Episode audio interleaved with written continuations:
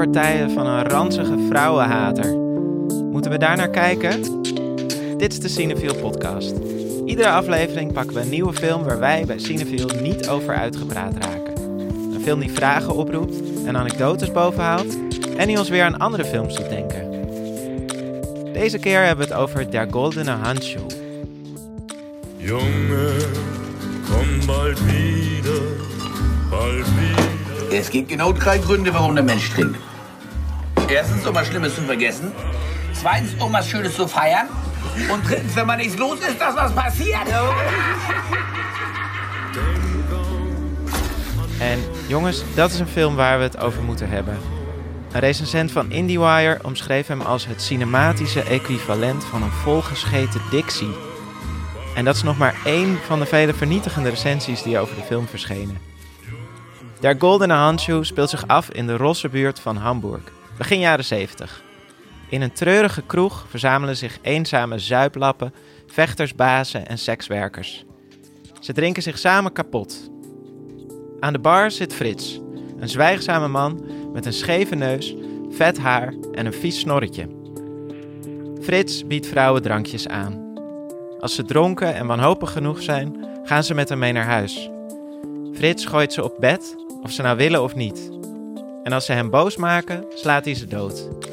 De lijken zaagt hij in stukken en verstopt hij in een gat in de muur, bij de andere rottende lichaamsdelen.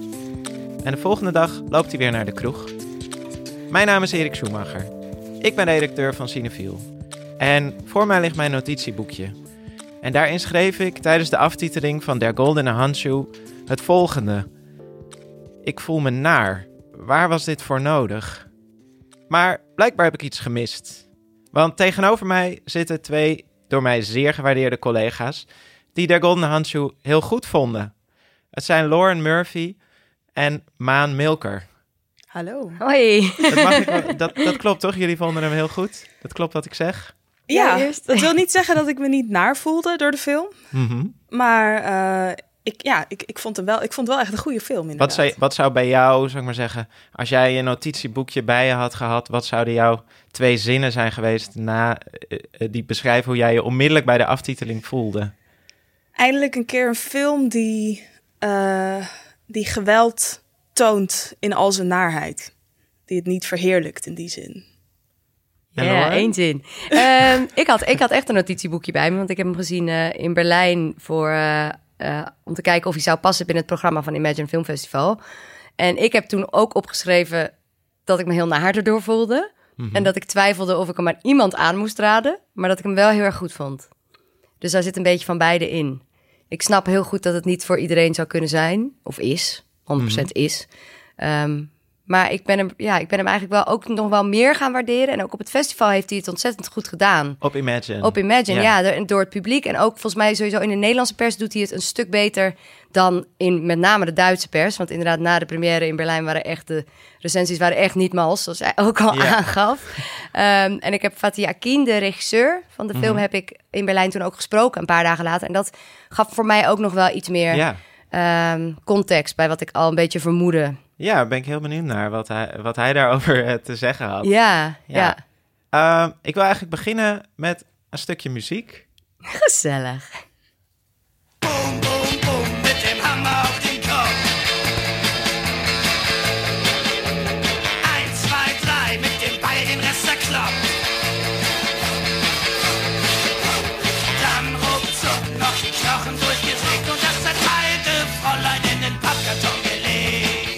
Ja, ik zal hem even kort vertalen. Boom, boom, boom, met de hamer op de kop wordt hier gezongen. 1, 2, 3, met de bijl de rest stuk geslagen. Dan heen en weer de botten doorgezaagd. En de stukjes dame in een kartonnen doos gestopt. Jeetje. Dit is een eh, single van Harry Horror, een eh, Duitse artiest uit 1975. En het gaat over dezelfde Frits. Ja, dat vermoed, ik al. Honka. Frits Honka. Klinkt Ja. een beetje als een chocoladereep, toch? Of een speelgoed of zo. Honka is dat niet ook een speelgoedmerk? Willy Wonka. Willy Ja. Wonka, ja, de chocoladefabriek. Uit Shaki in de chocoladefabriek. Ja, want eh, Frits Honka heeft eh, echt bestaan. Mhm. Ehm, hij, eh, ja, hij was dus eh, actief, eh, of ja, actief als seriemoordenaar begin jaren Ja. 70 in Hamburg. We weten dat hij eh, in ieder geval vier vrouwen heeft vermoord. Ehm, alle vier sekswerkers van in de 40, in de 50. Ehm, en dat was eh, destijds in Duitsland toen dat, toen dat uitkwam, toen dat. eh, ja, toen, de, toen er dus de resten gevonden werden en, dat, en hij gearresteerd werd, toen stonden daar de kranten natuurlijk vol mee. En toen heeft dus deze, deze Lolbroek, die dacht, daar ga ik een, een liedje over schrijven. Ehm, en dat is iets om eh, lekker over te griezelen. En, eh, Ja, of het is maatschappijkritiek, hè? Of het is maatschappijkritiek. Ja. Misschien geef ik Harry Horror te, we- te weinig krediet. Dat is wel echt Maar- satire van de bovenste plank dan, als je naar het deuntje luistert. Ja, voor mij is eigenlijk een beetje de vraag: hoeveel zijn we opgeschoten sinds, sinds Harry Horror? Ehm, en eh, ja, dit was, dit was eigenlijk mijn, mijn eh, probleem bij de Golden Handshoe. Dat, dat de manier waarop ik die film zag, mijn antwoord op die vraag eigenlijk is van... eh, nou, we zijn niet genoeg opgeschoten. Eh, want voor mij, ehm, het zat me eigenlijk meteen al in de, in de openingsscène. Ehm, ja, er is dan al een lijk in zijn, in zijn huis.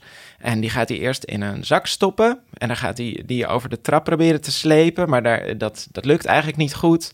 Dan gaat hij lopen, lopen zagen in dat lijk. En ja, ik dacht eigenlijk, waar zit ik nou naar te kijken? Wat moet ik dit nou? Want er waren, er zat voor mij, voor mijn gevoel zat er ook bijna een soort slapstick element in of zo.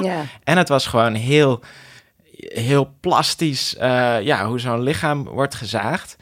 En ja, wat ik dus ook gewoon ehm, heel moeilijk of ingewikkeld vond, is eh, deze vrouw heeft echt bestaan en die ligt hier nu alleen maar als lijk. Het is gewoon puur een, een lichaam waar toeren mee uit worden Ja, eh, maar daar ben ik het dus niet mee eens. Dat het alleen maar lichamen waren waar toeren mee uitgevoerd werden. Ik vond juist dat deze film bijzonder veel aandacht had voor de slachtoffers. Ja? En dan in die zin misschien niet concreet voor het eerste slachtoffer, maar wel dat er heel veel moeite werd gedaan of heel, ja, om zo'n slachtoffer in context te plaatsen. Dus ehm, hè, dat het niet zo was zoals je in heel veel CSI-achtige programma's hebt, dat je zo'n eh, zo'n vrouw hebt die ergens in een rivierbed ligt en eh, weet je, naakt is en dat er ingezoomd wordt op haar naakte, op haar blote borsten en dat dan heel erg lang eh, agenten daar eh, weet je, onderzoek naar gaan doen, maar eigenlijk zit je alleen maar naar dat lichaam te kijken. En Ja, verder je weet je helemaal niks. kent ja, verder weet je helemaal niets over die persoon. Ik vond juist dat hier een heel erg ja, tijdsbeeld werd neergezet. En ook Mhm. Gewoon van beide kanten, zowel de dader als de slachtoffers, hoe het zover had kunnen komen. Ja, ja ik, er zitten inderdaad echt een paar scènes in de film waar, waar het vrij lang duurt ook voordat hij ze mee naar huis krijgt bijvoorbeeld. En je eerst zelfs de, dames in hun eentje aan een tafel ziet zitten in die kroeg. Ehm, waardoor ze inderdaad, waardoor je bijna op een gegeven moment ook begrijpt waarom ze met hem meegaan. En dat vond ik heel cruciaal voor dat hele proces. Want dat is, zo is het dus waarschijnlijk ook echt gegaan. Inderdaad, in de openingsscène zie je dan niet degene die dat is. Die, daar, die, die krijgt dat inderdaad niet, die behandeling. Maar dat plastische, wat je beschrijft, Mhm. dat valt eigenlijk wel mee. En dat is zo interessant aan die film. Want in heel veel andere Valt films... wel mee. Nou, je ziet heel weinig. Ja, je, hoort heel veel. Ja, Ja. maar dat is wel, dat is wel een Als je het vergelijkt met verschil. gemiddelde horrorfilm of eh, weet ik veel, of überhaupt films met geweld. Ja, Ik bedoel, als ik naar een, een, een- ik was bijvoorbeeld naar Shadow eh, tijdens IFFR. ehm, en eh, nou, dat is dan een film over ge- gevechts. Weet je, daarin is gevechtssporten zijn er heel erg soort van in Korea. centra- centraal in. En ehm, ja, ik word daar super misselijk van als ik gewoon allemaal met zwaarden mensen hun hoofd afgehakt zie worden. En hier is dan een soort van paraplu met messen. Ja, alsof Wat het een dan soort dans is. Ja, en dan denk ik van waarom, waarom is daar dan, weet je, waarom schrijf je daar dan niet per se over op dat je ernaar voor wordt of wordt, Nou, maakt dat het niet ja. meteen een slechte film. Snap je wat ik bedoel? Nee, eh, kijk, ik ben, eh, ik ben sowieso niet echt eh, een enorme fan van gewelddadige scènes. Maar wat voor mij wel echt een verschil maakt hierin, is dus dat het een, eh, dat het een waar gebeurd verhaal is. En ehm, ja, dat het gewoon eh, vrouwen zijn die op, ja, op, een, op een kwetsbaar moment in hun leven ook door die, door die man eh, zijn vermoord. En ehm, het, het wordt allemaal, ja, het is het wordt allemaal ook super realistisch in beeld gebracht. Ja, dat vind ik er juist En- goed Ja, dat vond ik aan. ook juist goed. Omdat het, omdat het. Je kan je natuurlijk wel afvragen waarom moet dit verhaal überhaupt Ja, verteld worden. Daar dat. kunnen we het ook nog Ja. over gaan hebben. Maar dan de manier waarop is dan de tweede vraag. Daar vind ik dit een van de, me- de meer integere. Als je er toch voor kiest om zo'n verhaal te vertellen, Mhm. dan vond ik dit wel heel uniek. En, en inderdaad, zit, er zit ook wel humor in. En dat, dat kan vervreemdend misschien werken. Dat is wel denk ik een bewuste keuze geweest, omdat het anders echt niet te dragen zou zijn. En omdat er ook, het is ook echt bizar natuurlijk wat hij doet. Überhaupt Ja. Ehm, mensen vermoorden is aan zich al iets wat, wat echt ontzettend raar is Ja, natuurlijk. maar moet hij daar Dus dan ik niet vond gewoon... niet- Want dat je zegt van er moet humor in, want anders is het echt niet te dragen. Dan Nee. denk je, Nou, nou, ik denk niet dan dat iets dat wat gewoon echt zo helemaal is. niet te Nee, ik denk dat dat voor het publiek zo werkt. Dat het af en toe lijkt. Maar ik en weet het is niet ook dat, zijn dat is artistieke waarom stijl. Ja, ja het past ook wel is het zijn- altijd een beetje... Ja, oké, dan bij zijn vorige film... ehm Oudste en Nicht was het niet zo humoristisch, zeg maar. Maar bijvoorbeeld ehm in Soul Gegen die Kitchen Wand... wel. Dat heeft toch wel iets vlots, om het zo te noemen. Ja. Snap je? Als in... Ook al Ja. is, gaat het allemaal over tragische dingen of zo. Het heeft toch iets... Ja, maar in dit Maar- geval ook stuitte de- mij dat dus tegen de Ja. borst. Dat ik dacht, van, moet ik hier nu om gaan zitten lachen? Ja, nou, ja, denk ik. Nou, ja, een beetje wel. En daarna schrikken van het feit dat je lacht. Dus dat is ook een interessante dynamiek die er dan natuurlijk met, met jezelf ook gebeurt. En ik, wat ik, ik voelde die slapstick meer om voor hem, voor, de, voor Frits Honka en de, voor hem de belachelijke situatie waarin hij uit een alcoholroes wakker wordt en denkt: oh my god, wat heb ik gedaan? En de praktische kant ook van wat ga je dan vervolgens doen? Weet je, wel, je hebt een klein zolderkamertje. Ja, het is allemaal super onhandig. Het duurt heel erg lang. Weet je, er zit nul glamour wat dat betreft ook aan het disposen van een lichaam.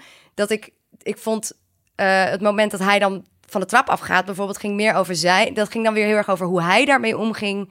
Niet zozeer over het slachtoffer. Terwijl dat later bij die andere vrouwen ging het, ging het daar. Het moment dat hij ze vermoordt, zijn nul grappig. Je? Het moment dat, dat er nog een vrouw in leven is. Zeg maar, daar zit helemaal niks van Nee, humor in. En verder zitten er volgens mij twee of drie momenten. Ja, er is inderdaad één moment dat hij een soort luchtverfrisser in, ehm, Ja. in zijn zolderkamertje gooit. Omdat het gewoon heel erg stinkt. En dat schijnt gewoon echt gebeurd te zijn. Maar dat Ze hebben toen ze het aantroffen allemaal van die kleine Ja, kerstboompjes gevonden. Dus dat is gewoon de realiteit. Dus ja, dat kan je voor kiezen om het er niet in te stoppen. Maar zo grappig was het dus in het echt. Of zo bizar was het in het echt. Ook dat hij dacht dat dat het zou verhullen. Hm? woord. Want hij, hij, hij was gewoon ziek. Weet je, hij is gewoon ook ontoerekeningsvatbaar verklaard. Eh, heeft daardoor een verminderde gevangenisstraf gekregen, bijvoorbeeld. Ehm, Het was iemand die gewoon echt heel erg ziek was. Een heel groot probleem had, ja. En dat in combinatie met het Duitsland van toen. En ehm, het is ook heel erg een film. En ook al speelt het zich dan af in 73 uit mijn hoofd. Het gaat heel erg over de wederopbouw van Duitsland. En ook over het dan wel eh, verwerkte, dan wel onverwerkte trauma van de Tweede Wereldoorlog. Ja. En ehm eh, Akine heeft hier een groep mensen gekozen, namelijk de inwoners van de Rossenbuurt in Hamburg. Eh, wat zeker in die tijd werd dat door de rest van Duitsland echt gezien als het afvoerputje van West-Duitsland, zeg maar. Terwijl de rest allemaal Ehm, in de lift zat. Ja, en dit, dit was echt een groep mensen die totaal werd vergeten. En die eh, dan de hele dag aan de snap zitten. En eh, ja, op die manier eigenlijk dealen met, eh, ja, met oorlogsverwerking, zeg maar. En de kroeg zit ook vol En- met ex-SS'ers en... Ja, Dat, dat, is ook wel, dat vond ik dus ook wel heel erg mooi eigenlijk aan de film. Een soort van de, ook dat microcosmosje van die kroeg. Dat hij dat als setting... Dat heb ik trouwens ook opgeschreven toen ik, toen ik er net uitkwam. Dat het voor mij hoofdzakelijk niet eens een horrorfilm was. Het is echt niet te vergelijken met, met wat ik onder sommige horrorfilms versta. Maar vooral een period piece. Vooral Ja, een, een super scherpe weergave van een tijd. Dus ook bijvoorbeeld zijn appartement... Als je foto's ziet van hoe die er in het echt uitzag en dan in de film, het is zo waarheidsgetrouw. En die kroeg is ook precies zo'n kroeg. In Amsterdam hebben we er ook een paar, maar ze verdwijnen helaas, vind ik, steeds meer. Maar waar eigenlijk altijd de gordijnen dicht zijn. Ze hebben officieel een vergunning tot 11 uur 's avonds, maar ze zijn gewoon 24 uur open. En iedereen is daar welkom, van studenten tot journalisten tot ex-SS'ers tot sekswerkers. Nee, maar in de zin van, en niemand, en dat, daarom kon hij natuurlijk ook doen wat hij heeft gedaan zo lang, omdat niemand opkeek als er daar vrouwen verdwenen. Of als hij even een paar dagen weg was en dan helemaal vies, misschien wel met bloedvlekken op zijn shirt daar binnenkwam en iedereen dacht, nou ja, oké. Anonimiteit was de voorwaarde Ja. om zo'n café te kunnen laten bestaan ook. Wat je vaak hebt, eh, als er dan eh seriemoordenaars gepakt worden en, eh, en er zijn dan nieuwsuitzendingen over, die gaan dan langs bij de buren. En, en het soort van het cliché is dan dat buren zeggen van, nou, nooit, nooit iets van gemerkt. Was, het leek zo'n normale man. Ja. Ja. Dat, dat zullen zijn buren niet hebben gezegd, hè? Nou ja, ik, eh, het, het is wel grappig. Ook iets wat bij mij weer als herinnering naar voren kwam toen ik naar de film was geweest, was dat ik tijdens mijn, ja, in mijn jeugd had ik een spookbuurvrouw. Dus eh, in Haarlem woonde ik aan zo'n hofje en er was altijd, het huis naast ons was gewoon onbewoond. En er hingen echt van diezelfde gordijntjes, weet je, van die gehaakte, vergilde gordijntjes. Eh, die hingen daar en dan had de buurvrouw zo'n tijdslot, waardoor de lamp dan wel aanging, weet je wel. Maar je kon dan net niet naar binnen kijken. En eens in de zoveel tijd kwam ze dan. En zij was ook zo'n, ja, gewoon wat, ehm, in die zin wat minder verzorgd qua uiterlijk dan eh, wat ik gewend was eh, van de mensen om me heen. En ja, gewoon een beetje een raar vrouwtje. Ze sprak dan altijd een beetje zo nukkig of zo, weet je wel. Ja. En dan kwam er een geur uit dat huis als ze dat openzetten om te luchten. En dat waaide zo precies mijn kamer in. Dus die geur, zeg maar, ik vond, ik, ik dacht altijd van, wat, wat is er nou eigenlijk met die vrouw? Maar dan denk je ook van, ik wil ook niet soort van te veroordelend zijn. Zo van, eh, Ja, oh, dacht je dat op die eng. leeftijd ook?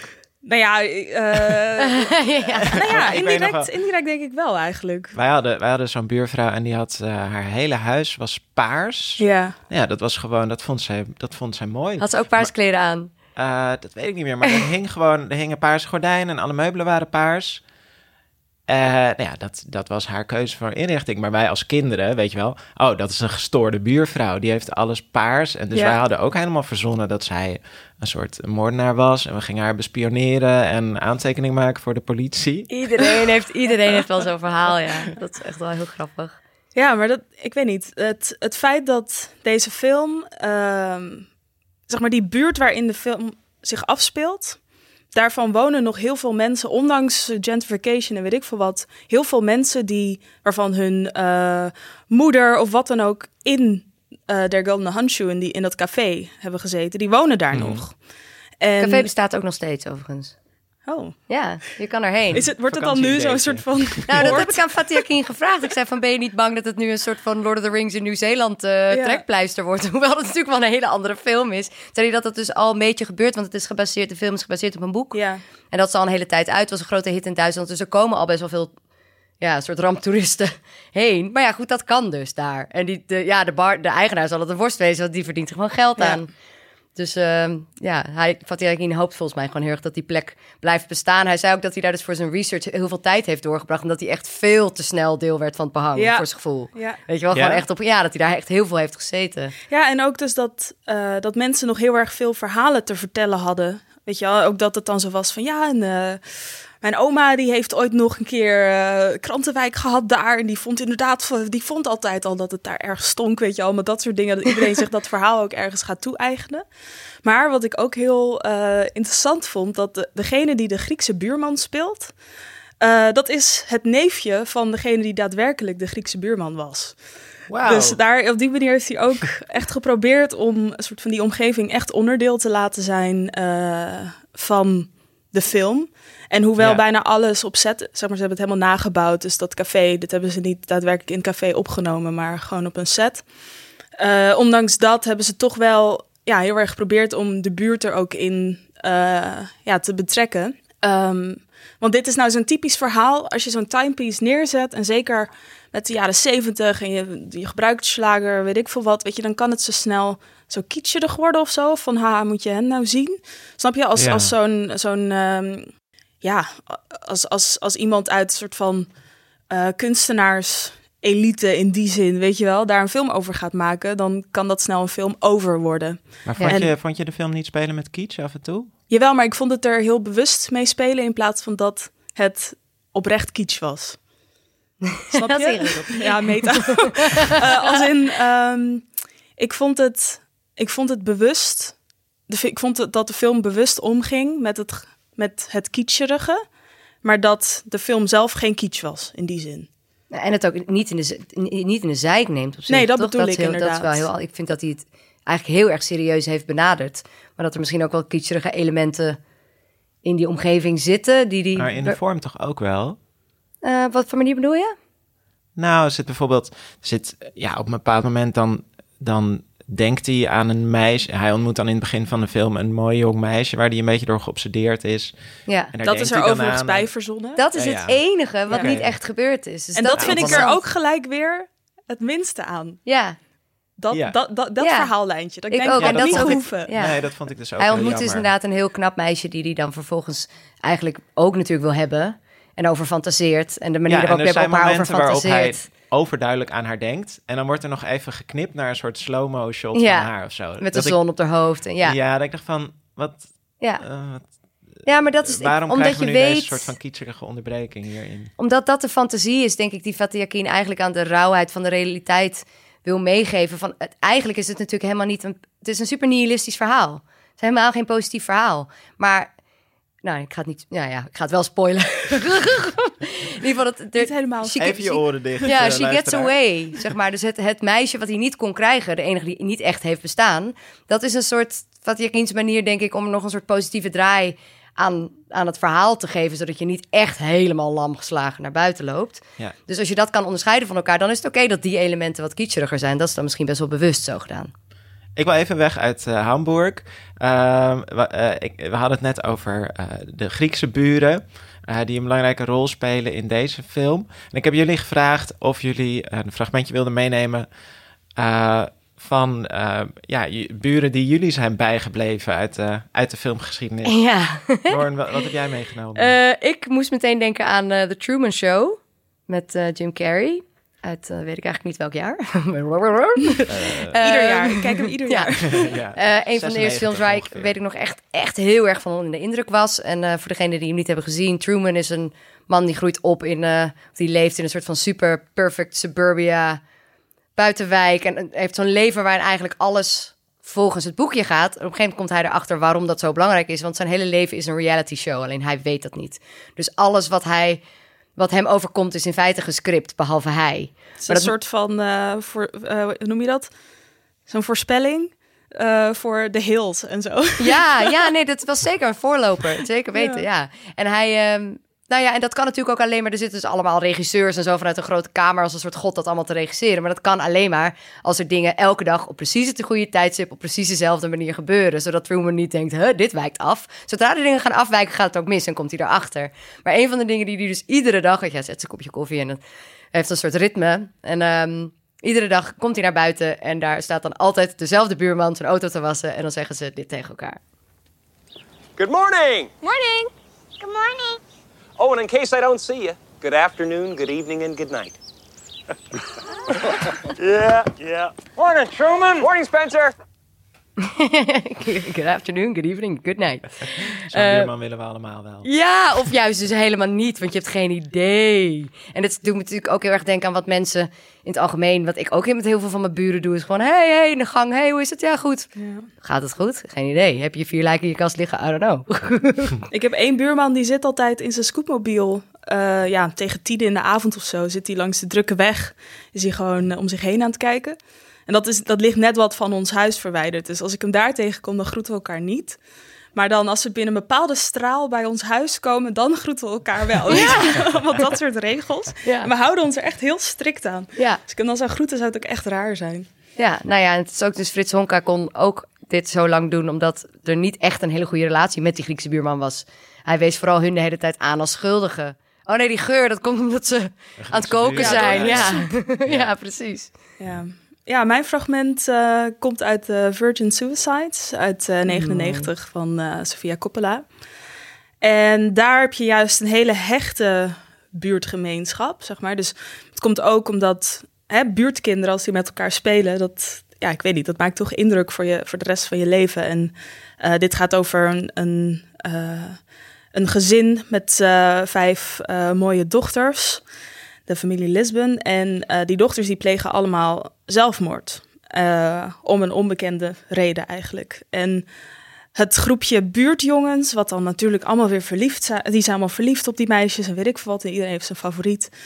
Ehm, die proberen eigenlijk ja, ook erachter te komen wat er nou eigenlijk mis is gegaan. En ehm, ja, ik weet niet. Ik vond dat, dat idee van dat er iets gebeurt in zo'n buurt iets heftigs gebeurt of wat dan ook. En dat dan de hele buurt daar ook mee bezig is, weet je wel. Dat dat toch dat gemeenschapsgevoel neerzet en die interesse die je ook hebt in je buren of zo, weet je wel. In, Mhm. dat je ook kan afvragen hoe, in hoeverre is het nou gemeend of is het nou leedvermaak of zo, weet je wel. Als in, soms heb je ook dat je dan eh, ruzies hoort van de buren of zo. Ik kan mezelf nog herinneren dat ik altijd schaamteloos tegen de schutting stond te luisteren. Ja. Je? Ja.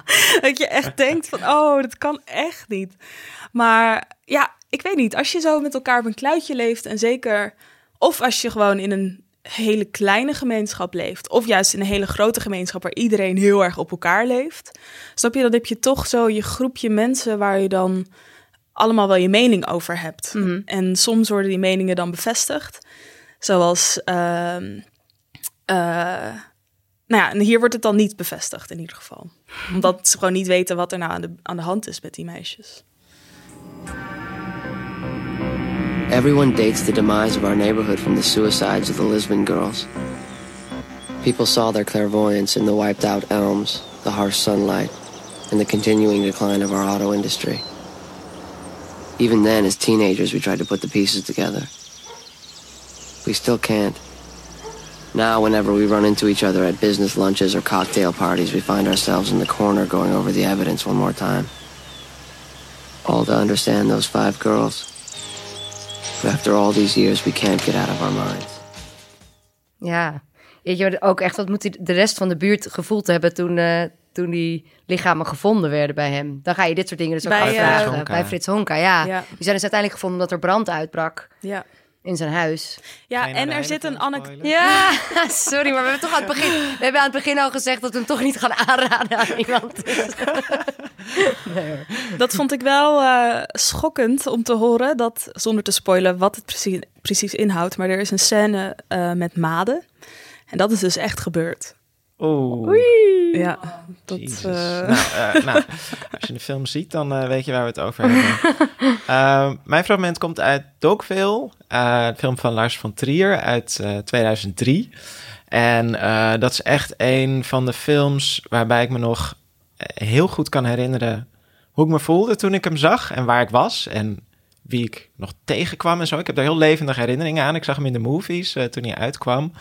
Ehm, nou, die film gaat over eh, ja, nou, een vrouw gespeeld door Nicole Kidman die aankomt, die eigenlijk is, ze is op de vlucht voor haar vader, eh, een mafioso.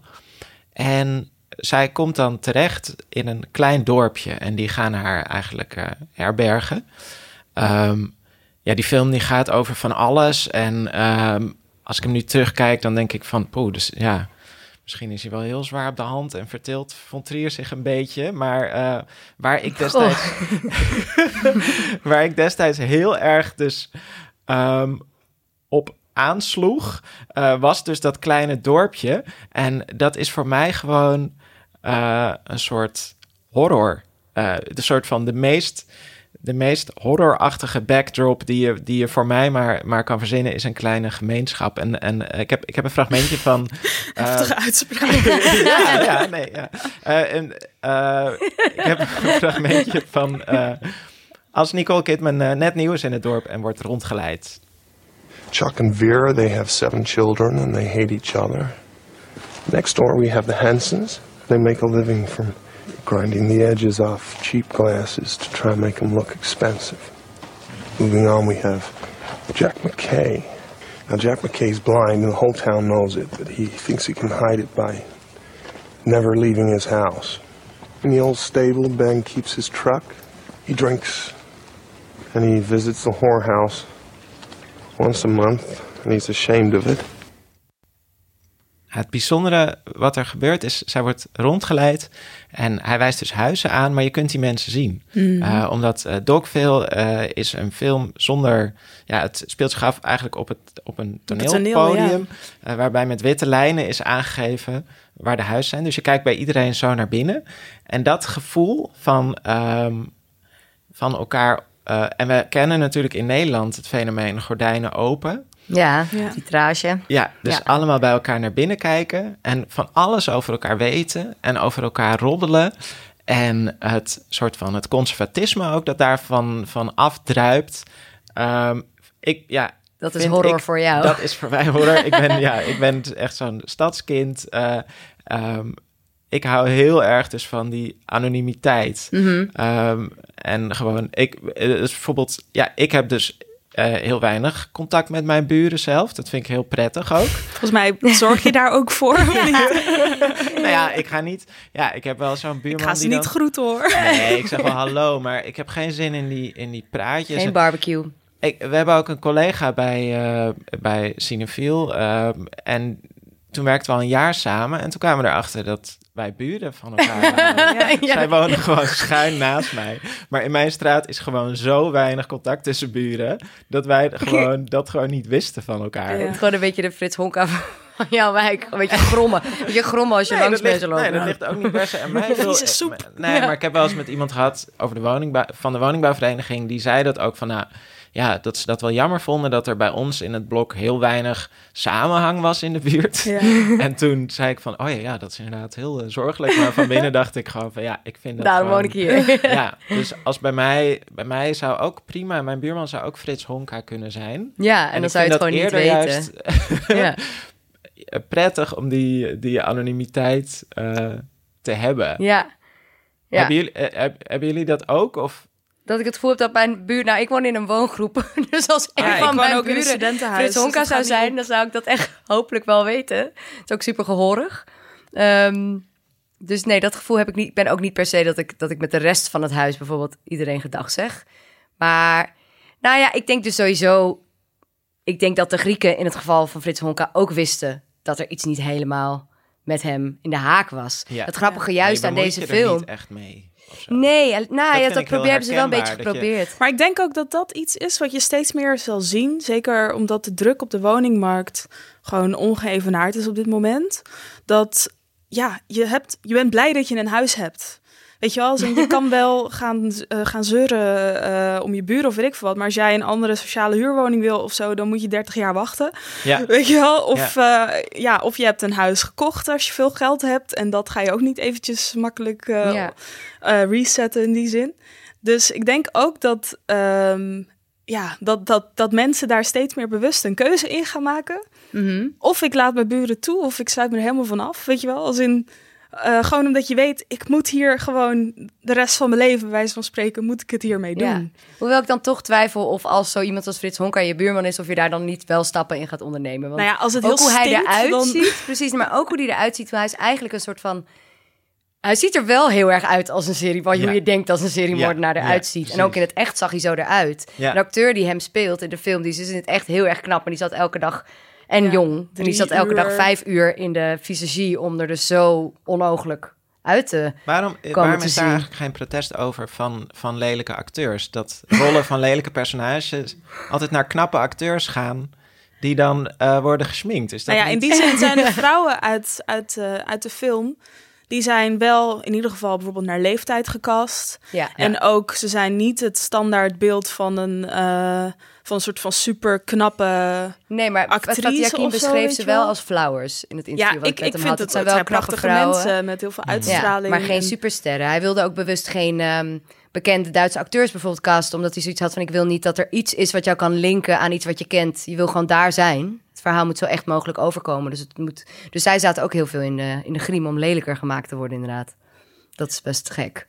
Ja, hij, eh, want eh, ja, hij, hij, voldoet echt aan... als je een tekening zou maken van een seriemoordenaar... Ja. dan teken je hem precies. Zo, zijn ene oog kijkt helemaal naar rechts en zijn andere naar links. ja, en of dan- juist als je een beetje door Netflix scrolt. Helemaal juist niet. niet. want daar, Want daar zijn alle Zac Efron. seriemoordenaars prachtig. Ja, ja, En- ja, want ja... Ja. En dat vond ik, in die zin vond ik ook het, eh, het verhaaltje, zeg maar, over dat Frits Honka dan verliefd wordt op zo'n knap meisje. Vond ik in die zin ook wel een knipoog naar al die verhalen over seriemoordenaars. Omdat die gaan altijd zogenaamd alleen maar achter prachtige vrouwen aan en zijn allemaal Super eh, charmant. ja, en gepest in hun jeugd en daardoor willen ze wraken en weet ik veel wat.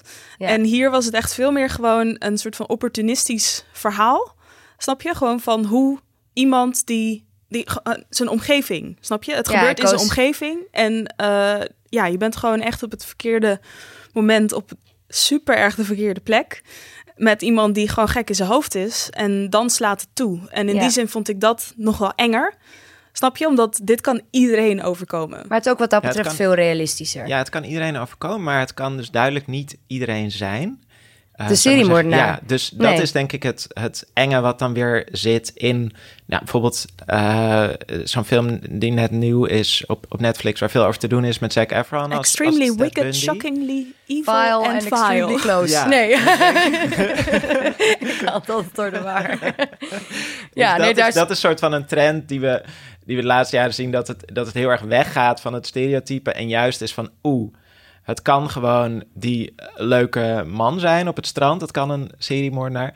Maar ik had wel, denk ik, bij deze film... daardoor ook wel dat de afstand tussen mij en Frits Honka heel groot voelde. Want jij identificeert je niet eh, met zijn Nou, uiterlijk. niet natuurlijk. Je zou wel met een boogje, je zou wel met een boogje, je zou wel met een boogje om hem heen lopen. Ja, maar goed, en, niet, en maar niet blijft als heel je... erg de ander. Terwijl het natuurlijk ook interessant is van... eh, ja, eh, is dit iets... Ja, is het ook totaal de ander? eh, als je zoiets doet in de zin van... Is er dan echt iets wezenlijk anders in je hersenen? Nee, ik denk juist dat die film maakt er ook wel een punt van dat hij een onderdeel was van Ja. een, in ieder geval een subgroep, weliswaar in de maatschappij, maar niet een daarin juist dus helemaal niet echt een ander. Het- ik denk, het, volgens mij is het voor Fatih Akin bijvoorbeeld ook wel een soort interessante tussen haakjes onderwereld of een in ieder geval een wereld die hij totaal niet in zijn directe omgeving heeft, maar die wel degelijk bestaat.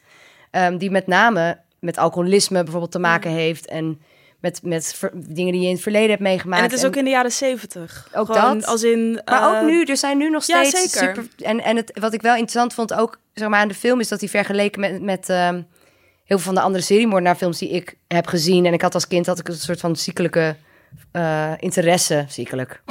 Goed woord, dankjewel. Ja. een hele gezonde interesse in seriemoordenaars. Ehm, en heb ik het altijd gek gevonden op basis van die feiten, dat je dan een Hannibal Lecter en ook als we het over Lars van Trier hebben, zo'n Jack in The House That Jack Built. Dat zijn inderdaad die, of dus Ted Bundy, van die extreem charismatische, super hoog IQ, super planmatige seriemoordenaars. Dat is echt maar een heel, heel klein percentage van de mensen die dat echt doen. Ja. De meeste hebben een super laag IQ, hebben een heel groot middelengebruikprobleem, enorm seksueel frustratieprobleem en dat gecombineerd zorgt ervoor dat ze inderdaad vrij random, zoals Maan net ook al zei, fouten, dat soort fouten maken, of de fout ingaan. En je ziet in de film Ja. ook heel erg, er is een periode waarin hij niet dronk, dat hij dat niet doet. Waardoor je bijna gaat afvragen van, het, het, het heeft ook daar, het gaat ook heel erg over Ja. alcoholisme. En het heeft ook daarmee te maken. En ik vond het daarin echt een super fijne tegenhanger. Dat is ook een gek woord misschien bij deze film te gebruiken, maar tegen zo'n Netflix-film. Waarin je ook als kijker op een gegeven moment merkt dat je een beetje door Zac Efron een beetje in de, beetje in de luren wordt gelegd. En denkt, oh ja, weet je wel, dat, is... Wat een charmeur. Want het is Wat al heel erg lang een trend dat eh, voorna- voornamelijk dan mensen die in Amerika eh, eh, de death row, eh, zeg maar dat die de dood, doodstraf krijgen, dat die ontzettend veel fanmail krijgen of liefdesbrieven. Ja, Charles Ja. Manson is Van- nog getrouwd op zijn Ja, nee, maar- 70ste in dus de in- die zin- datingwebsites ook. voor, In die zin is dat helemaal of, ja, niks nieuws, als in dat, dat die seriemoordenaars verheerlijkt worden en dat daar ook iets, eh, ja, ik, ik kan het zelf heel erg moeilijk inbeelden, maar aan de andere kant, als je denkt aan allemaal superhelden in films, dat zijn ook seriemoordenaars. Snap je als je erover Ja. nadenkt? Ja. Ik bedoel, kijk naar de gemiddelde Avengers film en er gaan zo fucking veel mensen daarvan, dood. ja.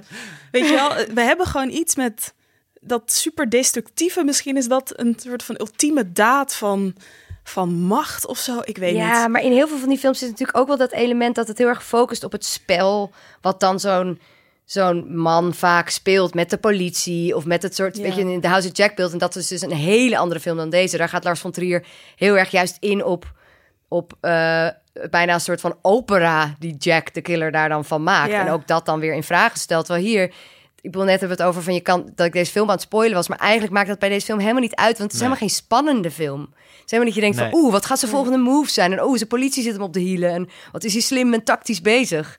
Het is gewoon... Het is heel erg helemaal- het leven van iemand. ja, het is echt vanuit hem. Ja. En dat, dat heb ik niet. Je hebt natuurlijk wel Henry of a Serial Killer. Je hebt wel een paar films die dat hebben geprobeerd te doen. Maar dan toch ook wel op een veel verheerlijkerende manier. Als kijker, dat het toch werd gefeticheerd, dat geweld ook.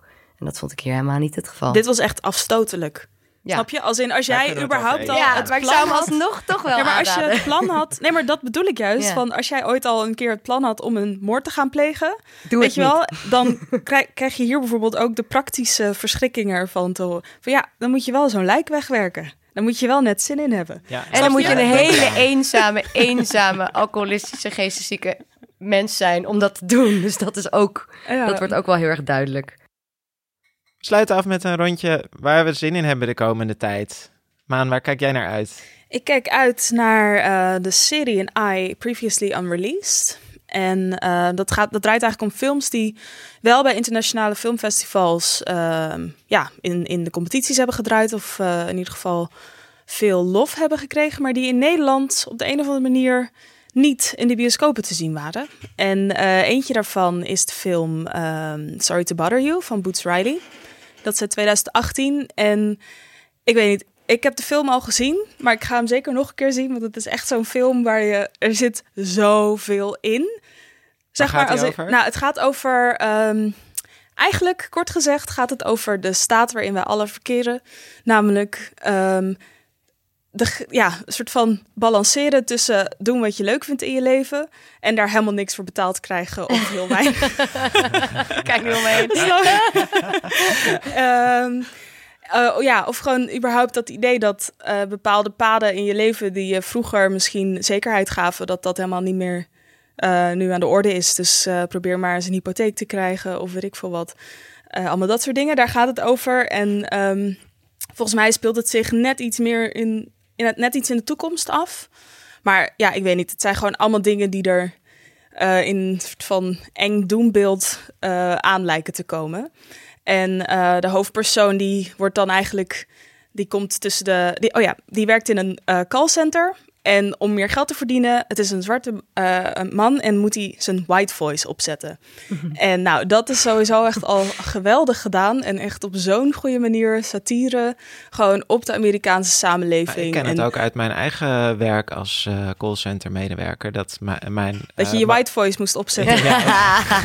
nee, dat mijn, mijn collega's, mijn Marokkaanse collega's, er werd dan tegen gezegd van nou, zeg maar dat je Peter heet aan de lijn. Ja, Ja, want je moet je altijd voorstellen. ja, ja. ja. Natuurlijk. ja goede, sat- dus goede satire ook gewoon een super grote kern van waarheid in natuurlijk. Nou, dat was dus het enge. En dan komt er nog wel een soort van science fiction element met Army Hammer aan de cocaïne. Al weet ik niet of dat science fiction is, maar...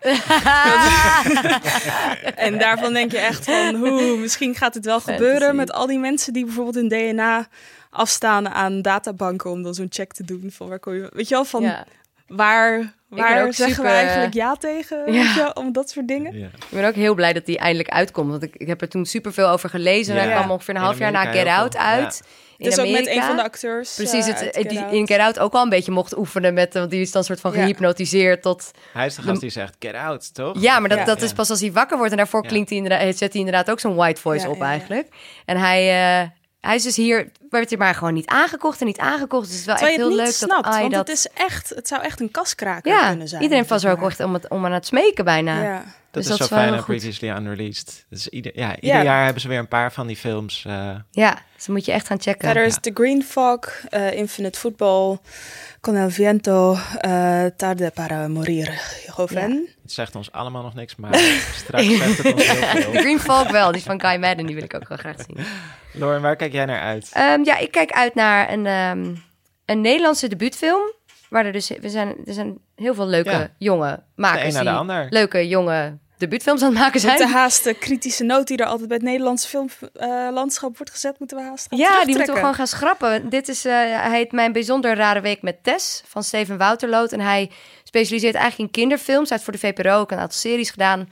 Ehm, maar dit is, een, dit is op papier ook een kinderfilm, maar is volgens mij echt zo'n kinderfilm die ook voor volwassenen stiekem dan heel mooi is. Voor jong volwassenen. Over een jongetje die op eh Terschelling is op vakantie en voor zichzelf besluit dat hij een eenzaamheidscursus aan zichzelf gaat geven, omdat hij de jongste van het gezin is en dus alleen zal gaan overblijven. Ah. Dus er zit natuurlijk een heel mooi existentieel thema in, zoals met de meeste kinderfilms als ze een beetje durven duistere materie in Erik, een geef film jij te ook van dat soort cursussen? Over hoe je eenzaam kan zijn? Of hoe je kan afsluiten van je grote gemeenschap? je- Iedereen die wil leren hoe, hoe ze nul contact met hun eh, omgeving willen hebben, jouw buurt bij komen eh, in de leer. Ja.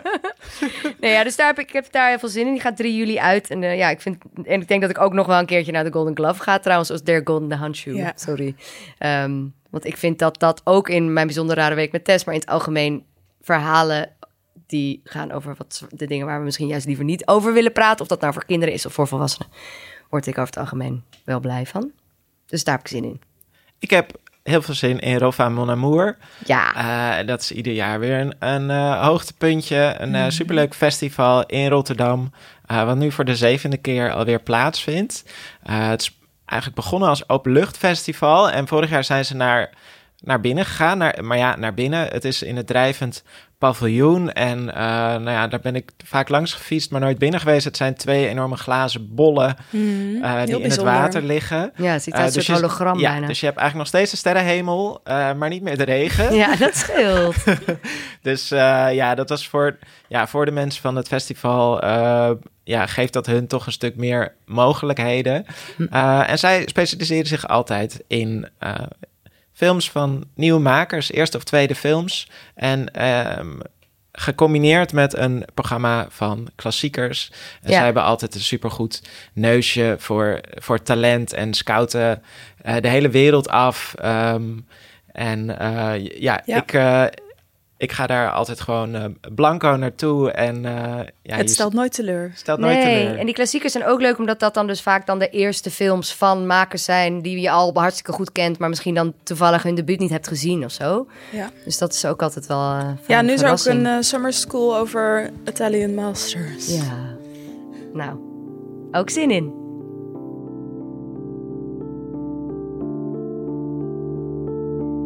De Golden Handshoe is nu overal in Cinefield te zien. Dit was hem weer voor deze keer. Wil je terugpraten? Heel graag mail ons op podcast.cinefield.nl Je kunt ook altijd een review of een rating achterlaten en help je ons ook nog eens om andere filmliefhebbers te bereiken. We willen graag Lieke Malkoor bedanken van Dag en Nacht Media en distributeurs Cineaar. Tot de volgende keer.